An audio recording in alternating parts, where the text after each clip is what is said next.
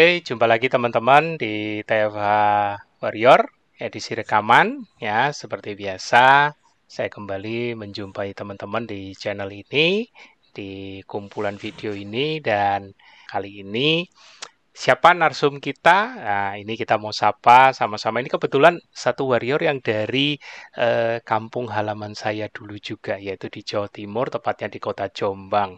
Nah, kita sama-sama temuin dengan Mas Sudarmawan atau Mas Cakwan biasanya bilangnya kalau orang Jawa Timur.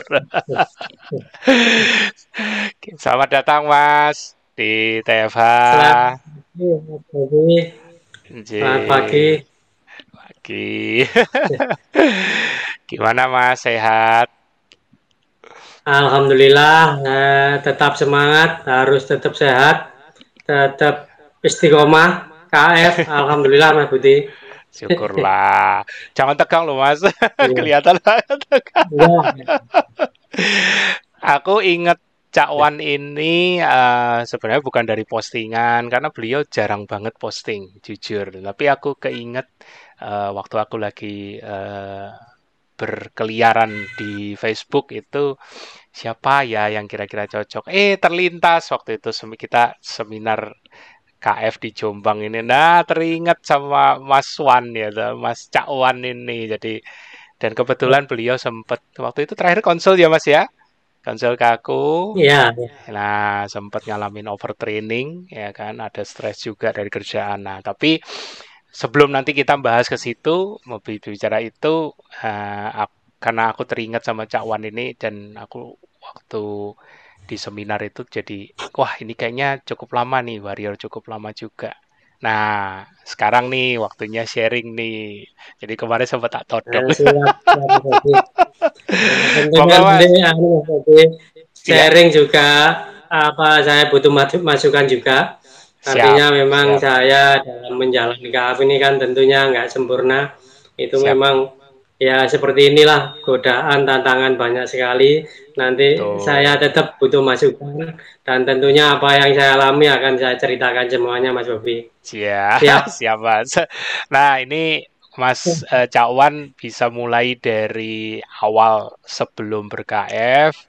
Uh, ya. seperti apa kondisi kesehatannya yang menyebabkan tahu KF ya kan? Terus alasan apa yang mendasari kok bisa mau mau jalanin KF itu loh. Nah, monggo Mas, silakan. Siap, oke. Okay. Assalamualaikum warahmatullahi wabarakatuh. Selamat pagi, salam sehat, semangat bahagia untuk seluruh warrior dan uh, semua yang mengikuti acara ini. Perkenalkan nama saya Sudarmawan karena hmm. saya orang Jawa Timur sering dipanggil sama teman-teman itu Cak gitu, Cakwan gitu ya, Mas Bobi seperti itu jujur saja ini gini mungkin saya nggak runtut nanti ya cerita ya, mengalir aja hmm. eh, ini gongnya mungkin gini saya ikut KF itu dasarnya mungkin karena keputusasaan Mas Bobi jadi Putus memang asa. kondisi saya eh, ngapunten nih sebenarnya hmm. dalam Islam itu kan memang nggak boleh putus asa tapi hmm. saya pada itu tertentu itu benar-benar wes judek gitu kan kecewa uh, saya berkesimpulan bahwa metode medis ini sudah nggak mampu menangani saya, me mengatasi problem kesehatan saya. Demikian juga non, non medis, Mas Mas Bobi. Akhirnya saya terus mencari alternatif oh, banyak hal itu yang tradisional, yang apa ya banyak hal saya lakukan. Akhirnya nggak sengaja di medsos ketemu KF ini, kebetulan teman teman di komunitas orang-orang Jawa itu posting terkait KF ini kan yang saya cari kan memang alternatif yang tanpa obat gitu kan. E, mungkin kembali lagi ke penyakit saya Mas Bobi. Penyakit saya itu kompleks sebenarnya. Ini kalau diruntuh hmm. sebenarnya kan memang ya karena pola hidup saya sejak muda itu kan memang sudah nggak benar gitu kan. Kalau dari hmm. lima pilar itu terlempar semua itu lima limanya itu kan hmm. jadi memang saya belum itu dari nggak pernah olahraga uh, makan los uh, apa pun dimakan uh, stres stresnya hmm. itu full juga tidur kurang dan dan lain-lain lah Jadi kondisi Hmm. terakhir saya itu yang parah itu sebenarnya asma. Asma sekitar Hmm. 5 tahun yang lalu itu saya dalam tahap itu hampir setiap 3 sampai 4 jam itu sudah kumat, Pak, Mas Bobi. Tiap Kumat 3, setiap 4 3 jam sampai 4 kumat? Waduh. Setiap 3, 4 jam Itu. kumat ya asmanya ya? Oh, kumat, iya itu kan kan saya memang gini, saya memang dari jadi gini, saya itu memang secara genetik ada turunan asma. Ayah, Hmm. terus bapak, ibu juga, nenek juga, bahkan saya punya saudara kembar, Mas Bobi. Itu Oh. parah sejak kecil.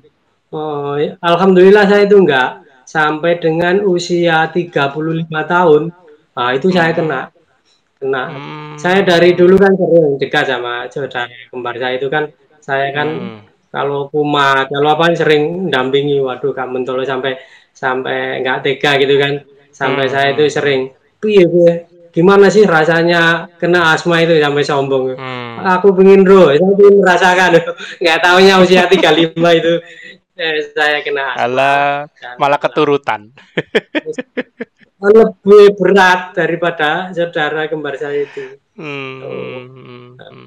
Di samping itu Oke. sebelum saya kena asma, saat muda lulus kuliah itu terus terang memang kerja saya itu ya relatif berat, berat Mas Budi. Di konsultan swasta eh, yang dituntut ya ya pasti stres di situ karena Hmm. eh, karena harus eh, berpikir banyak hal terus ya ya dalam tanda kutip harus eh, bertengkar ya debat sama orang ya semacam itulah. Jadi Eh, memang saat lembur di swasta dulu saat lembur saya sering beberapa kali sampai dua hari nggak tidur itu sudah biasa gitu loh. Memang saat itu kan Waduh. kuat juga. Eh, itu semacam itu sampai semacam itu menyiksa tubuh saya itu semacam itu. Olahraga nggak pernah, lembur, malam, makan, pagi, makan, ya, semacam itulah. Kayak hidupnya Hmm. nggak jelas gitu. Bahkan saya kan kalau dua hari nggak tidur biar saya setelah itu tidurnya nyenyak, minum obat tidur gitu. Biar tidurnya nyenyak, minum. Apa itu dulu saya tiga biji semacam itu. Oh.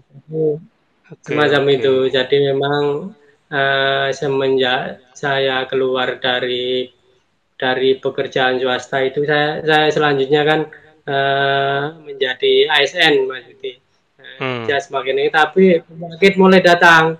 Saya mulai sering sakit-sakitan ya kondisinya nggak fit lah. Memang kalau di Hmm. atas 30-an itu memang seperti itu mungkin Mas Budi ya. Ya Hmm. banyak penyakit saya itu banyak lah sedikit-sedikit ya apa widalnya positif ya gitu kan. Eh, Hmm. apa radang tenggorokan yang nggak sembuh-sembuh ah, Hmm. macam-macam lah. Terus tensi juga seperti itu. Tensi saya parah Mas Budi, Mas Bobi. Hmm. Eh, tensi saya itu terakhir sampai 200 yang eh, diastolik ya, yang yang bawah itu apa diastolik apa Diastolik gitu. betul. Itu sampai 110. Eh, 200 110 ya semacam itu. Oh tinggi sekali. Jadi memang Hmm. saya mulai umur 3 3 3 berapa itu kan memang sakit-sakitan. Obat ya terus gitu kan eh, Hmm. sampai dengan eh, umur 35 kena asma. Dilala tensinya juga setinggi itu. Itu kalau Hmm. tensi kan eh, terus menerus minum obat Mas Budi. Pak Bobi Hmm. tadi Hmm. obat penurun tensi dan lain-lain tiap hari kan. Hmm. Terus ironisnya lagi saya itu lama-lama eh, sampai dengan lima tahun, enam lima tahun lalu aku mulai alergi obat. Nah itu dokter kan jadi bingung gitu. Dokter, saya kalau saya pernah posting itu di saat saya bengkak itu Iya, iya, iya, iya. pernah iya. bengkak semua itu kan. Jadi saya alergi oh, sebelumnya memang alergi makanan gitu kan. Tapi semakin Hmm. lama saya, saya kan nita ini ya Sobi, nita ini. Hmm. Ini Hmm. apa ini kan. Nah, Hmm. lama-lama obat itu reaksi pertama awal saya itu ndredeg. Ndredeg nggak bisa tidur. Sampai tahap Getaran. tertentu tuh bengkak, bengkak, Hmm. sesak napas, produksi lendir melimpah, terus mungkin Hmm. inflamasi ya. Inflamasi itu Hmm. di dalam rongga pernafasan saya. Jadi kalau saya sering kan diskusi sama dokter paru saya itu kan jadi orang kalau ada peradangan itu bukan peradangan di luar tapi di dalam gitu kan ibarat pipa-pipa saluran pernapasan itu menyempit di hmm. dalamnya hmm. sudah hmm. saluran-saluran itu menyempit produksi lendir luar biasa waduh itu sudah aduh sudah apa ya kalau hmm. saya ingat seperti itu waduh kadang-kadang ya ya itulah kalau dulu apa saat covid kan ada apa itu yang apa itu sindrom apa itu badai sitokin itu ya, mungkin saya sering mengalami seperti itu oh, nggak hmm. bisa bernapas produksi lendir luar biasa kondisi hmm. tubuh panas dan lain-lain semacam itulah hmm. kondisi kritis hmm. semacam hmm. itu sering kayak dulu hmm. terus karena saya itu ya itu akhirnya kan berobat ke dokter terus selama saya kan artinya saya kan memang ya orang teknik ya saya sering hmm, apa ya dalam ilmu statistik kan kalau tahun kemarin katakanlah tensi saya itu maksimal 150 tahun berikutnya 165 tahun berikutnya 100 semakin lama semakin semakin jelek gitu loh terus waduh sementara kan harus diobati gitu kan itu hmm, tensi hmm. belum asma hmm. asma lebih lama semakin hmm. semakin intensitasnya semakin sering hmm. Tuh, semakin lama saya berobat di dokter itu kok semakin gini saya terus berpikiran mencari alternatif gitu Bobi Hmm. Alternatif itu macam-macam. Ada yang jamu, apa pun lah yang saya dengar saya lakukan gitu. Makan apa, hmm. bekecot, apa pun lah semacam oh, itu. Sampai apa itu. Sang yang gila ini apa itu lendirnya bekecot itu di sendok terus diminum ya semacam itu. Oh, saya kalau oh, ingat itu bisa nggak mau ingat lagi. Termasuk pijat juga. Pijat itu macam-macam Pak Bobi. Saya hmm. itu segala macam pijat itu ya ya itu sampai yang ringan sampai berat sampai yang hmm. pernah saya sekali pij pijatnya dua jam terus sakitnya hmm. lima hari oh, pernah juga macam-macam ya pijat yang sampai hampir pingsan pingsan malah saya itu plek itu saking hmm. beratnya pijat itu pernah juga ini ada cerita lucu mungkin ini ada hmm. Tukang pijat yang yang dia mengaku apa pewaris tunggalnya ilmunya itu apa terrembing gitu juga jamu juga pijat gitu kan uh, ya uh. mas saya pasti bisa menyembuhkan penyakit mas asmanya hmm. oh ya kalau sampai saya nggak bisa ini kurang kan sudah beberapa kali mas hmm. sekali lagi ini kalau saya nggak bisa saya kan berkali-kali kalau nggak bisa saya akan nyerah tapi yang dilalah uh, satu minggu setelah saya ke sana dapat kabar beliaunya meninggal Berarti kan memang benar dia. Oh, berarti dia nyerah Aduh. Lucu okay. itu. Saya mencari sampai ketemu KF, jadi hmm. ini saya lihat postingan teman-teman Kak salah satu warrior ini, waduh ini mungkin kayaknya cocok tanpa obat hmm. gitu kan. Hmm. Hmm. Uh, hanya merubah pola hidup memang itu kelemahan saya, kurang tidur, olahraga, termasuk makanan yang nggak terbatas itu mungkin cocok dengan pemikiran saya itu mungkin hmm, hmm, hmm, hmm. dari segi apa yang saya cari konsep berpikir saya itu pas gitu ya, hmm. ya ya langsung aja saya apa membaca postingan itu itu kalau nggak saya ingat tanggalnya tanggalnya 17 Juli 2018 nah, saya tanggal 18 nya langsung. Nggak pakai lama langsung saya lakukan gitu.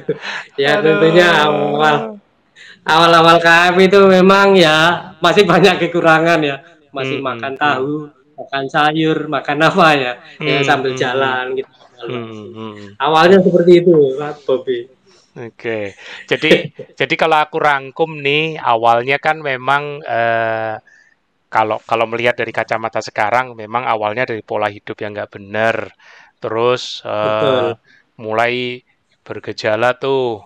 Awalnya tidak tidak tidak sakit tapi mulai gampang iya. masuk angin gampang radang ya kan?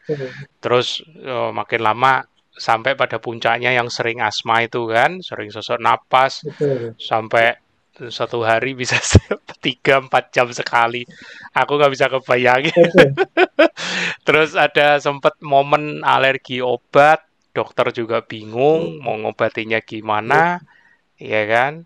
Alergi minum atau alergi yeah. disuntik atau apa aja dikasih itu alergi gitu, Mas? alergi yang yang saya pastikan itu antibiotik dan hmm. paracetamol. Saya nggak bisa Al itu. Waduh. Tapi mungkin Mabok antibiotik. Oh, yang juga. padahal itu obat utama kan antibiotik. eh, nah, nah jadi, sakit itu antibiotik. Nah, eh, terus ya, dari situ yang saya pastikan itu. Iya, dari situ kemudian uh, yaitu dari sisi medis, kemudian Mas juga uh, berusaha dari non medis alternatif uh, sampai yang tadi kejadian itu kan, terus tapi yes. aku bisa membayangkan sih keputusasaannya seperti apa. Makanya begitu eh, tahu KF terus dibaca, wah kayaknya sih oke. Okay. Memang karena kuncinya kan di merubah pola hidup ya, di gaya hidupnya. Nah dari situ mulai dilakukan, wis nggak pakai nggak pakai mikir, ya kan nggak pakai anu soalnya ya itu udah udah putus asa kan ibaratnya mau mau mempertimbangkan apa lagi Iya kan? Ibaratnya orang Jawa Timur bilang jojo cocok wes. ora ora paten ibaratnya kan, ora ora ono sing di wedeli wes rugi rugi sisan ngono ibaratnya. Sing penting usaha. Malang putung ya nah, semacam itu. Nekat aja sudah.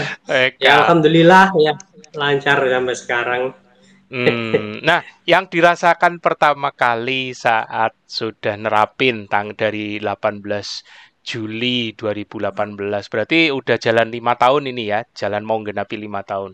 Ya, itu empat tahun apa gitu ya empat tahun. tahun. Nanti Juli ini habis Lebaran pasti sudah lima tahun.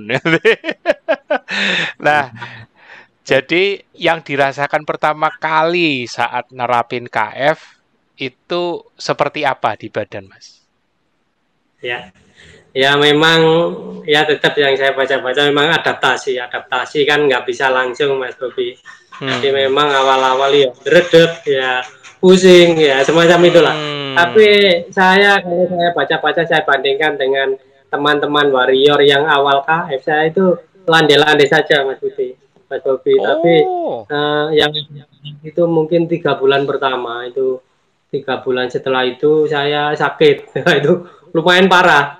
Terkait asma juga itu kan uh, uh, lumayan berat itu. Jadi -huh. saya saat itu sakit habis flu terus asmanya berat itu. Saya hampir dua jam sekali itu harus bangun nebulizer nah, semacam itu. Saya dulu konsultasi dengan Bu Bu Dokter almarhum Asriningrum. Oh iya. itu saya, uh, uh, uh. dilanjutkan anunya gini istirahatnya semacam itu kan hmm. itu hmm, ya hmm. alhamdulillah itu terlewati eh, tapi tiga bulan setelah KF itu menurut saya itu masa-masa yang cukup berat bagi saya tapi alhamdulillah kita lewati dengan dengan baik-baik saja itu mungkin hmm. kalau yang lain ya awal-awal ya gitu kan banyak kencing dulu awal kita kan nggak ngerti itu kan kita kan hmm. uh, hmm. eh, nya banyak terus garamnya itu kurang gitu. Semakin lama hmm. oh iya kurang garamnya itu kan berapa berapa kali tidur sampai dua tiga kali BAK terus hmm. ya air putih saja gitu itu kan hmm. bikin pusing kan bangun itu seperti muter-muter gitu kan hmm. semacam itu sudah biasa akhirnya kita adaptasi ya paham lah apa itu kenapa semacam itu hanya hanya gitu aja selanjutnya ya KF ya berjalan lancar aja. Memang saya akui kalau memang saya menjalani KF itu kalau dinilai satu dengan 10 mungkin sampai 8 aja ya mungkin maksimal 8 lah. Kadang ya 6 kadang ya, ya itu kan. Yang pasti yang pasti saya nggak pernah sengaja makan nasi itu nggak pernah nggak pernah. Nggak akan pernah. Dampaknya masih tahu oke. Kalau, jadi jadi mas uh, jadi mas Wan tadi sempat merasa tiga bulan pada saat jalanin di awal itu uh, landai ya nggak seperti warrior lain ya kan. Tapi begitu tiga bulan jeder gitu iya, kan yang sampai. yang as yang oh, boleh dibilang HC kali ya itu ya. HC asmanya Betul. itu sampai yang dua jam sekali harus dibantu nebulizer nah oh, oh, itu itu ndak membuat Mas Cakwan ini berpikir ulang lu kok jadi begini ya harusnya Ah, coba tuh. Kenapa kok enggak berpikir Ya, ini ya misalnya mem Pikiran, ini misalnya pikiran membuat seperti takut itu gitu? pasti ada. Kenapa? Pikiran seperti itu pasti ada. Balik nih. Tapi saya bayangkan pas apa minum antibiotik terus eh, mata bengkak semuanya bengkak terus wis detak jantung wis nggak karu-karuan saya cuma deg deg melambat ya itu. Aduh saya saya dulu pernah mengalami seperti itu. Saat alergi obat Oh. terberat itu ya waduh rasanya ini nggak bisa diceritakan lah kayak saya seperti heeh. eh, saya berjuang sendirian terus aduh wis delok anak-anakku saya aku saya piye pokai anak saya dulu kecil-kecil. Berat enggak anu tapi walaupun berat masa hasil tiga bulan itu masih berat yang dulu Pak Bobi. Eh, saya tetap Hmm. ada pikiran oh ini apa perlu dievaluasi KF saya? Tapi saya lanjut aja. Lanjut alhamdulillah lancar kita terlewati. Jadi karena Hmm. saya itu seringnya mengalami apa sesak yang inflamasi seperti itu kan jadi jadi paham Mas Bobi. Kemarin saya praktekkan eh, saat positif saya positif juga waktu Mm-mm. COVID saya Mm-mm. kena jadi ya ya ya agak intensitas sesak ya agak lumayan gitu kan Agak jadi naik. pada saat Hmm. kita terkena asma seperti itu nah, kita harus cuma ngatur nafas itu continue runtut itu jangan ditarik dalam-dalam dilepas dalam-dalam gitu kan Eh, pokoknya eh, nafas ini teratur sedikit-sedikit teratur insya Allah itu terlewati semua itu mungkin pengalaman saya mungkin untuk menghadapi asma semacam itu. Itu untuk yang Jadi apa jadi pemikiran sebenarnya terkait jadi sebenarnya di, di Mas Wan ini enggak. Ampun. Iya kalau kalau disuruh milih balik lagi tentu ndak mau tapi bukan berarti bukan berarti Cak Wan ndak ndak ngalamin ke apa pergumulan ya maksudnya galau juga ya kan udah udah jalanin tiga bulan landai-landai. Eh pas waktunya jeder kan soalnya jujur mas banyak warrior itu eh, yang yang jujur aja nih ya kan. Ndak mau ya kan ndak mau ngalamin gitu lagi sekecil apa pun gitu loh. Ya jadi jadi kadang-kadang kalau sudah ber-KF itu eh, harapannya nih harapan yang jalanin udah jangan jangan sampai sakit lagi. Ya nyeri-nyeri dikit mungkin masih masih oke gitu kan. Kadang-kadang nyeri nyeri dikit aja dipertanyakan ini kenapa ya? Apa aku ada yang salah ya? Gitu. Lah apalagi yang kayak cawan gini begitu tiga bulan sudah ber-KF langsung jeder gitu dua jam sekali sesak terus mesti dibantu nebulizer. Kadang-kadang jadi pemikiran aduh ini salah kali ya nggak cocok kali ya KF-nya waduh itu banyak ya kayak gitu. Lah jadi eh, tadi kata kuncinya sih dapat dari Cak Wan ya kan maksudnya eh, Cak Wan lebih memilih tidak lagi mengalami seperti di awal ya kan? Yang tadi sampai nafas sudah udah tinggal dikit lagi ya kan? Udah sempet nengok-nengok anak-anaknya dulu ngeliatin ya kan jadi artinya Cak Wan ini bisa bisa membedakan eh, bahwa sakit yang setelah tiga bulan itu relatif tidak seberat sebelum KF. Nah, kadang-kadang yang yang apa ini yang konsul ke aku itu aku juga sering bertanya. Kalau misalnya mereka udah panik coba tenang dulu ya kan dibandingin. Kalau memang dulu ada riwayat sakit begini dibandingin. Sakitnya lebih leb- lebih sakit sekarang atau mendingan masih sakit. Dan kadang-kadang muncul ibaratnya gitu. Nggak sepanjang hari. Kalau dulu kan ya bayangin aja sampai 3-4 jam sekali harus ini kayaknya dua jam tapi masih bisa di nebulizer dulu nebulizer nggak mempan ya mas ya di nebul nggak mempan ya dulu nebul. dulu Dulu, mempan iya. ya Kak? Saya awal KF itu eh awal asma eh, kembali lagi ke cerita. Hmm. awal asma itu kan memang berobat ke dokter. Eh, Hmm. ena- sampai enam bulan sudah sembuh. Oh sembuh. Eh, ternyata aku kambuh enam bulan ke depan. Terus semakin Hmm. lama, semakin rutin lah.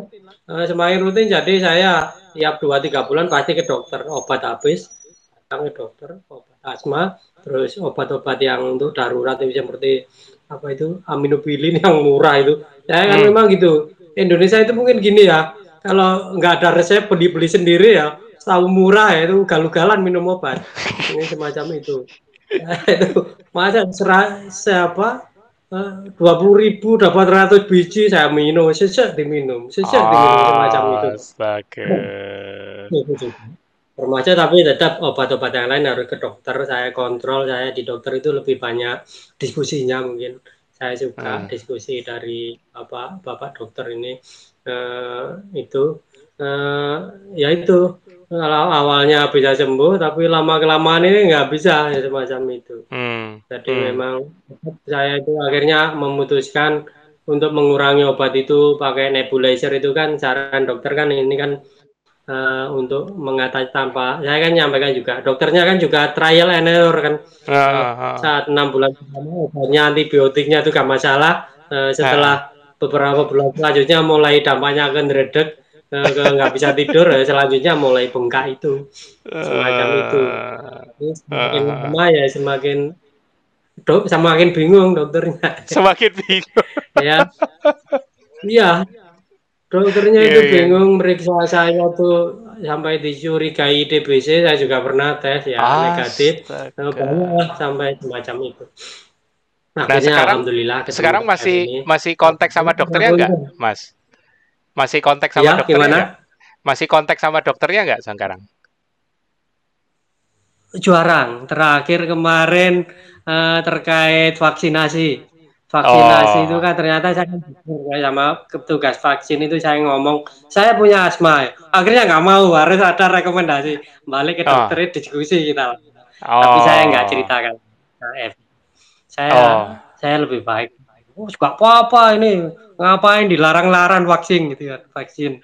Akhirnya tetap kita diskusi tapi saya selama KF itu mungkin baru dua kali ke sana itu. Saat oh. sakit tiga bulan itu sama yang vaksin kemarin. Tapi dokternya tahu kalau Cak Wan sudah sudah jauh lebih sehat? Ya tentunya tahu. Beliaunya itu dokter yang pakai komputer gitu data-data saya jelas di sana eh, pasti ha, tahu lah. Pasti oh, tahu. terus dia nggak nanya sembuhnya pakai apa? Menyampaikan saya gimana? Nggak nanya dia. Dokter paru spesialis. Iya dia nggak. Spesialis dok, paru boleh. Dokternya nggak nanya sembuhnya pakai apa ini kok bisa sehat sekarang? Gitu. Oh ya. enggak.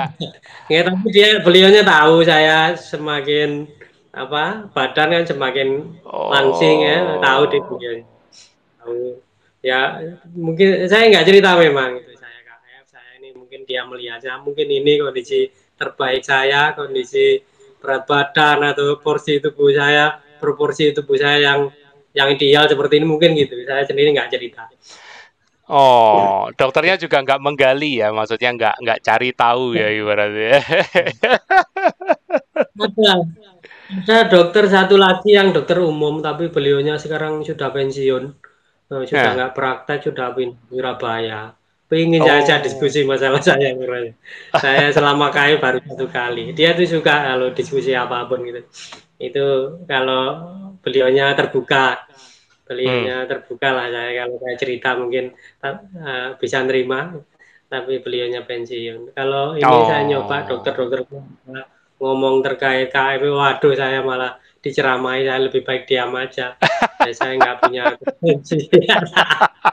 lalu saya ini basicnya kuli bangunan disuruh mikir ngomong medis kan ya. Kalau le, le ngomong semen ayo. Aduh. Oke mas. Jadi uh, mas sudah lima tahun menjalani uh, di awal ngalamin HC seperti itu lumayan. Tapi itu cuma sekali terjadi ya Mas ya yang asma itu ya sekali yang sekali. Betul. Masih masih ngalamin ada jedanya lagi terus ngalamin lagi gitu ada?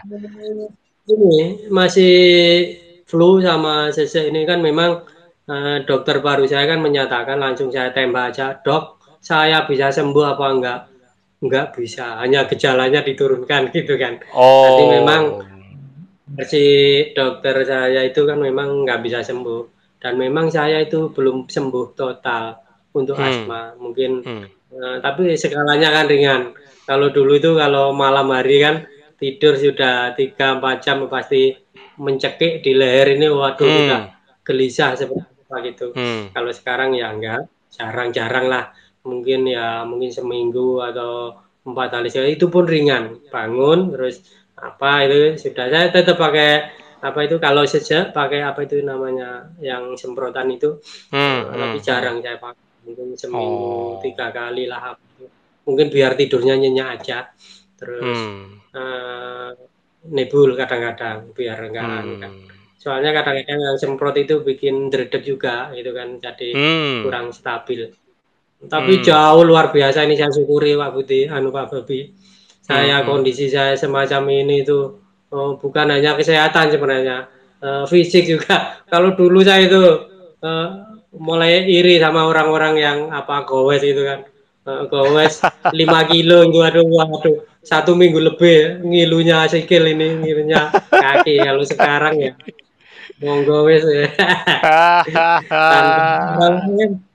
pada akhirnya semua ya semuanya kan di komunitas saya kowe selain sama istri kan ada kadang-kadang komunitas namanya yeah. LCC Lodeh Cycling Club itu kan pasti yeah. sarapan lodeh di situ. Ah. Saya kan cuma tulah-tulah jauh, ini kok kuat gak tahu sarapan, gak tahu ngombe teh, itu tenaga ini sampai tekondi ya semacam itu. nah, gitu. Saya kalau makan malah gak, gak kuat pak, mancal nggak akan kuat saya mancal. Soalnya energi saya terbagi mencerna sama mancal gitu kan. Dan memang kenyataan itu. Saya pernah mencoba sekali sarapan tapi nggak sarapan sih. Kowes pagi sampai jam 10 gitu nyoba makan tetap tentunya tetap masih makanan KF itu kan memang ya yang nggak sekuat saat puasa. Memang Betul. seperti itu Betul. Sebenarnya sebenarnya waktu ditanya tenaganya dari mana bilangnya ini tenaga kuli.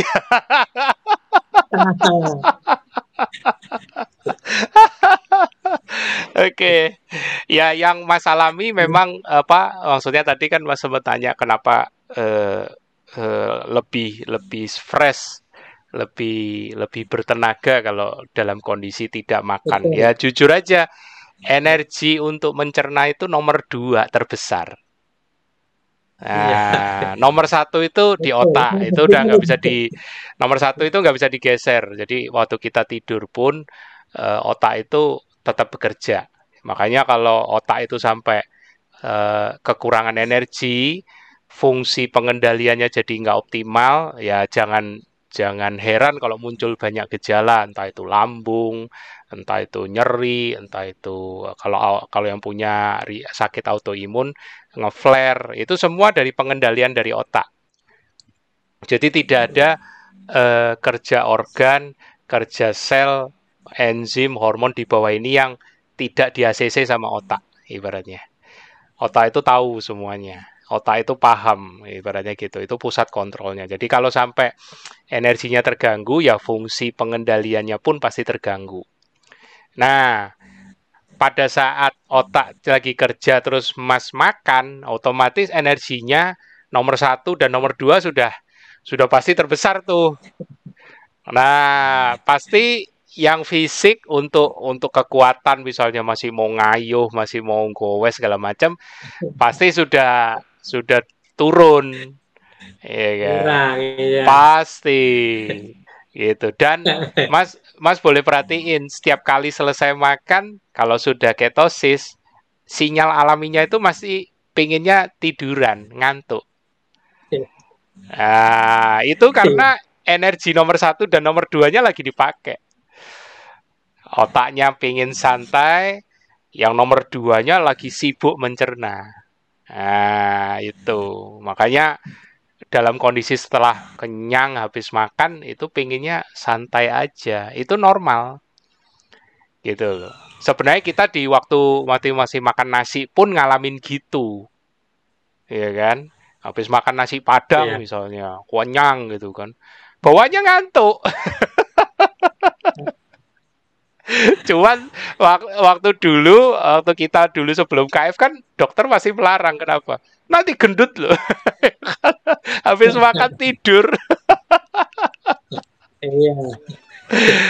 mesti mesti dibawa olahraga dulu, bawa gerak dulu supaya nggak jadi lemak itu kan gitu kan. kalau dulu, kalau sekarang beda. Karena kita tidak kita tidak memasukkan yang yang karbohidrat lagi, yang yang tidak esensial kita tidak masukin lagi. Yang kita masukkan justru esensialnya. Gitu. Jadi buat teman-teman iya, kalau iya. yang sudah KF uh, habis makan terus berasa ngantuk, jangan rak, jangan panik, jangan parno, jangan takut nanti jadi gendut, ya kan. Selama itu, selama makannya tadi mengikuti lapar, kemudian habis makan kenyang ngantuk, itu normal. Itu sesuatu yang lumrah, diikutin aja, ya kan. Nah, waktu dulu Cak Wan konsul, kalau nggak salah masih ada stres dari kerjaan ya Mas ya waktu itu ya. Uh, jadi tidurnya terganggu, ya kan. Kemudian iya. uh, waktu itu kalau nggak salah nggak tahu sempat go masih gowes ya kalau nggak salah ya atau sudah enggak ya waktu yang itu. Iya tetap. Ya, tetap ya. Itu, ah. Langsung waktu itu aku bilangin stop dulu ya kan. Perbanyak tidur dulu. itu. Nah, selama jalanin KF, eh, kira-kira nih Mas, ini ini mungkin sudah mulai eh, setengah setengah rekaman ini. Jadi eh, apa yang paling berkesan eh, dari KF ini dalam perjalanan Mas sudah sudah lima tahun ini menjelang lima tahun. Kejadian apa yang paling berkesan di Cakwan? boleh boleh yang hmm. berkesan positif, boleh juga yang waduh paling beratnya begini nih ya gitu Mas. Monggo di-share Mas. Oh, jadi saya sampaikan kesimpulannya dulu ya bahwa KF itu wis sudah apa ya metode kesehatan yang yang pilihan terbaik lah untuk saya mungkin tapi mungkin untuk orang lain juga seperti itu eh, bahwa KF itu yang berat itu hanya di aspek sosial Pak Bobi aspek, aspek sosial. sosial. Kalau dari nah. segi yang lain-lain itu seringan, enak malahan makanan enak-enak, semuanya enak. Karena ah. uh, di sekitar kita itu 97 persen mungkin ya makanannya karbo semua ya itu mungkin tantangannya hmm. seperti itu. Juga hmm. masyarakat kan seperti itu. Jadi memang seperti itu. Uh, ini mungkin cerita positifnya ya. Kalau hmm. positifnya jelas, saya terkait peningkatan kesehatan itu kan pastilah dulu hmm. itu ya wis tensi saya punya alat tensi itu ya, nah. waduh, hmm.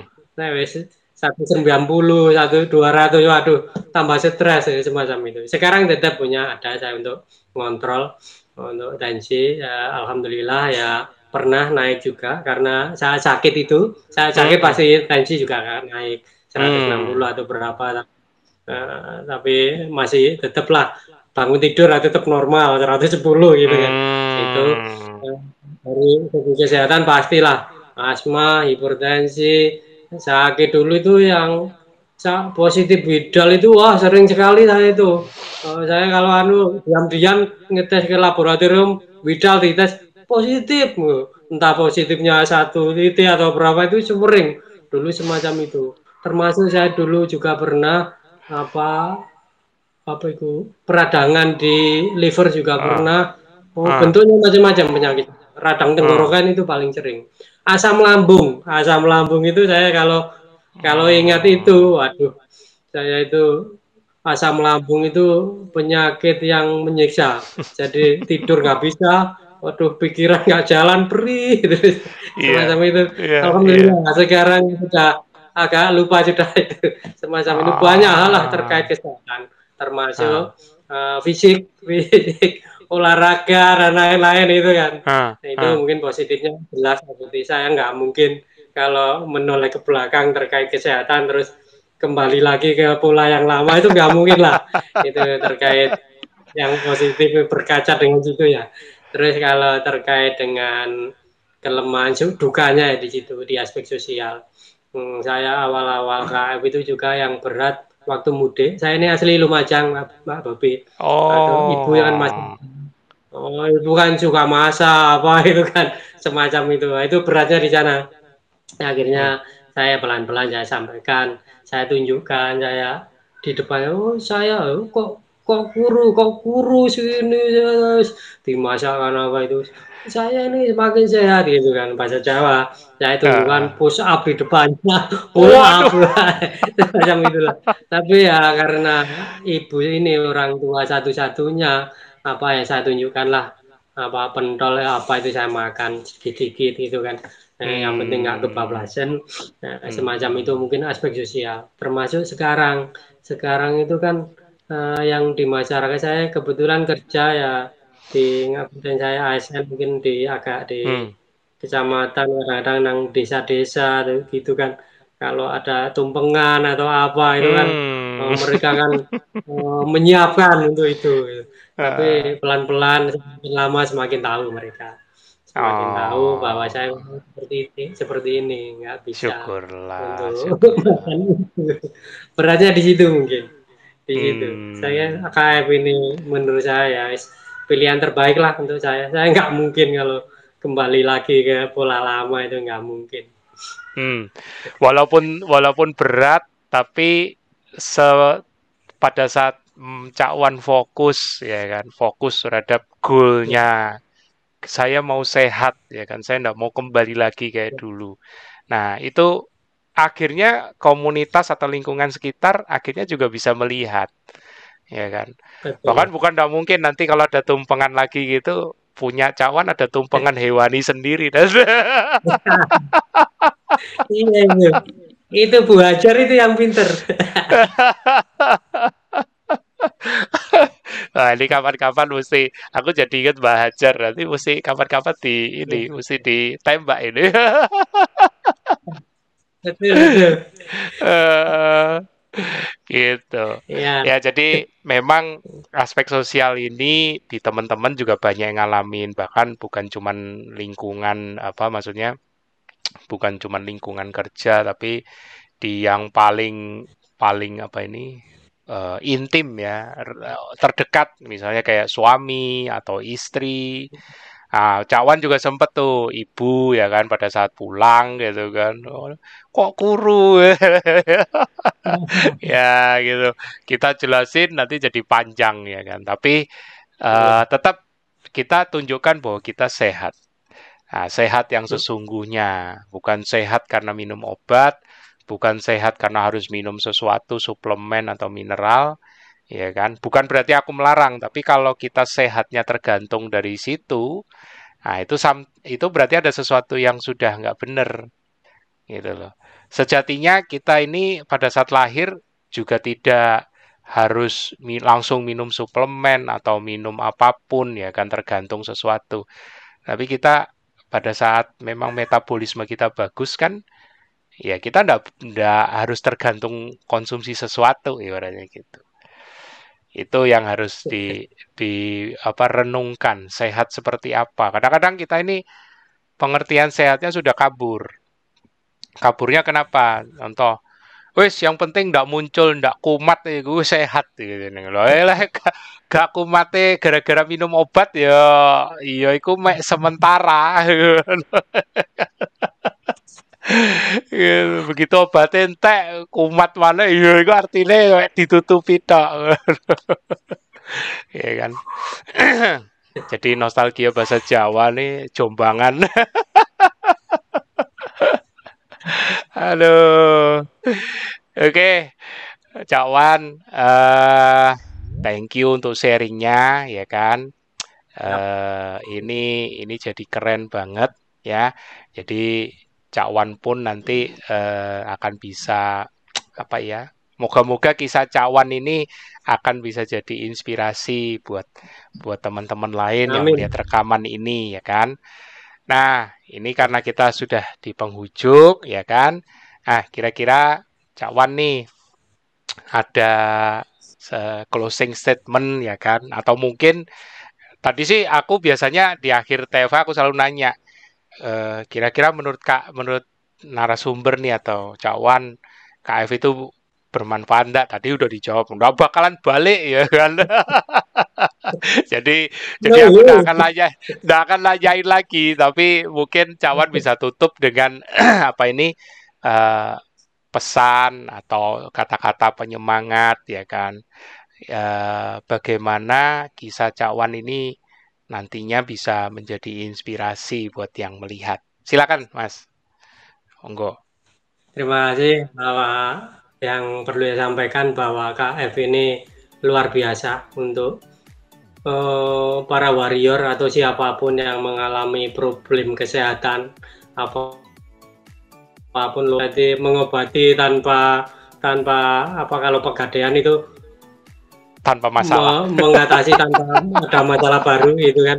Itu pasti uh, tantangan terberat dari KF itu memang aspek sosial.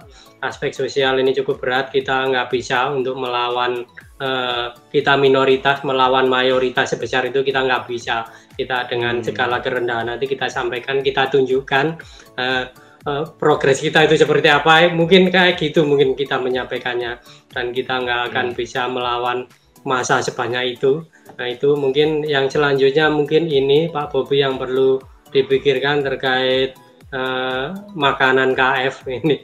Ini saya berharap ini teman-teman Wario ini mengcreate makanan yang ada di sekitar kita untuk ketofe ya semacam itu. Saya hmm. melihat itu yang kemarin eh, sahabat kami yang Bu Ajar itu kan bikin apa yang di sekitar kita lah sempol dibuat versi KF seperti apa apa apa ya yang di sekitar kita lah ya, semacam itu sehingga kita ini nggak kesulitan untuk mencari makanan Macam hmm. itu mungkin hmm. Pak Bobi semoga teman-teman tetap istiqomah terkait dengan KF. Gitu aja Pak Bobi. Mantap ya.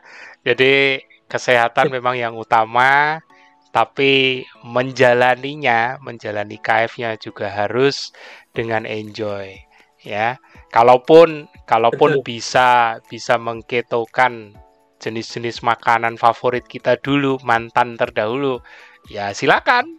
Itu sesuatu yang akan bisa membuat lebih enjoy nanti ya kan? Wah udah ada rujak ketofai wah ya boleh boleh aja ya. Itu malah keren ya kan? Makanya tadi bilang ada sempol keto. Wah keren tuh kita itu yang punya utang itu sama Mas Tio dulu waktu seminar di Jombang beliau ada keinginan makan rawon. itu kan kita belum terrealisasi. Siap, nanti nah, tak sampaikan. Ketemu banget itu. Nanti tak sampaikan ya. Ditunggu mas. Telur lagi dah. Uh, ditunggu mas, ada jatah rawon ketofai. Moga-moga Mas Tio nonton ini. Iya. Makanan Jawa Timur kan itu. Iya, iya kalau kalau rawon Jawa Timur sama rawon di Sunda sini memang beda ya kan ada khasnya memang di Jawa Timur Oke, terima kasih Cawan ya.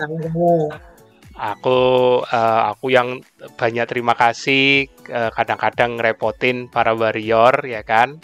Nah, kali ini kita sudah dengar kisahnya Cak Wan atau Mas Sudarmawan uh, warrior dari Jombang Jawa Timur ya jadi uh, teman-teman pastikan uh, selalu stay tune di channel ini jangan lupa subscribe dan bunyikan lonceng untuk setiap kali video yang muncul teman-teman akan dapat notifikasi dan tentunya ya akan ada kisah-kisah yang lebih menarik lagi dari warrior di Seantero Nusantara siap-siap aja kalau nanti kadang-kadang aku WA atau makan aku telepon ya. Tapi jangan jadi antipati kalau aku telepon nanti malah tambah ini. Tapi pastikan teman-teman siap untuk berbagi. Salam sehat dan dadah.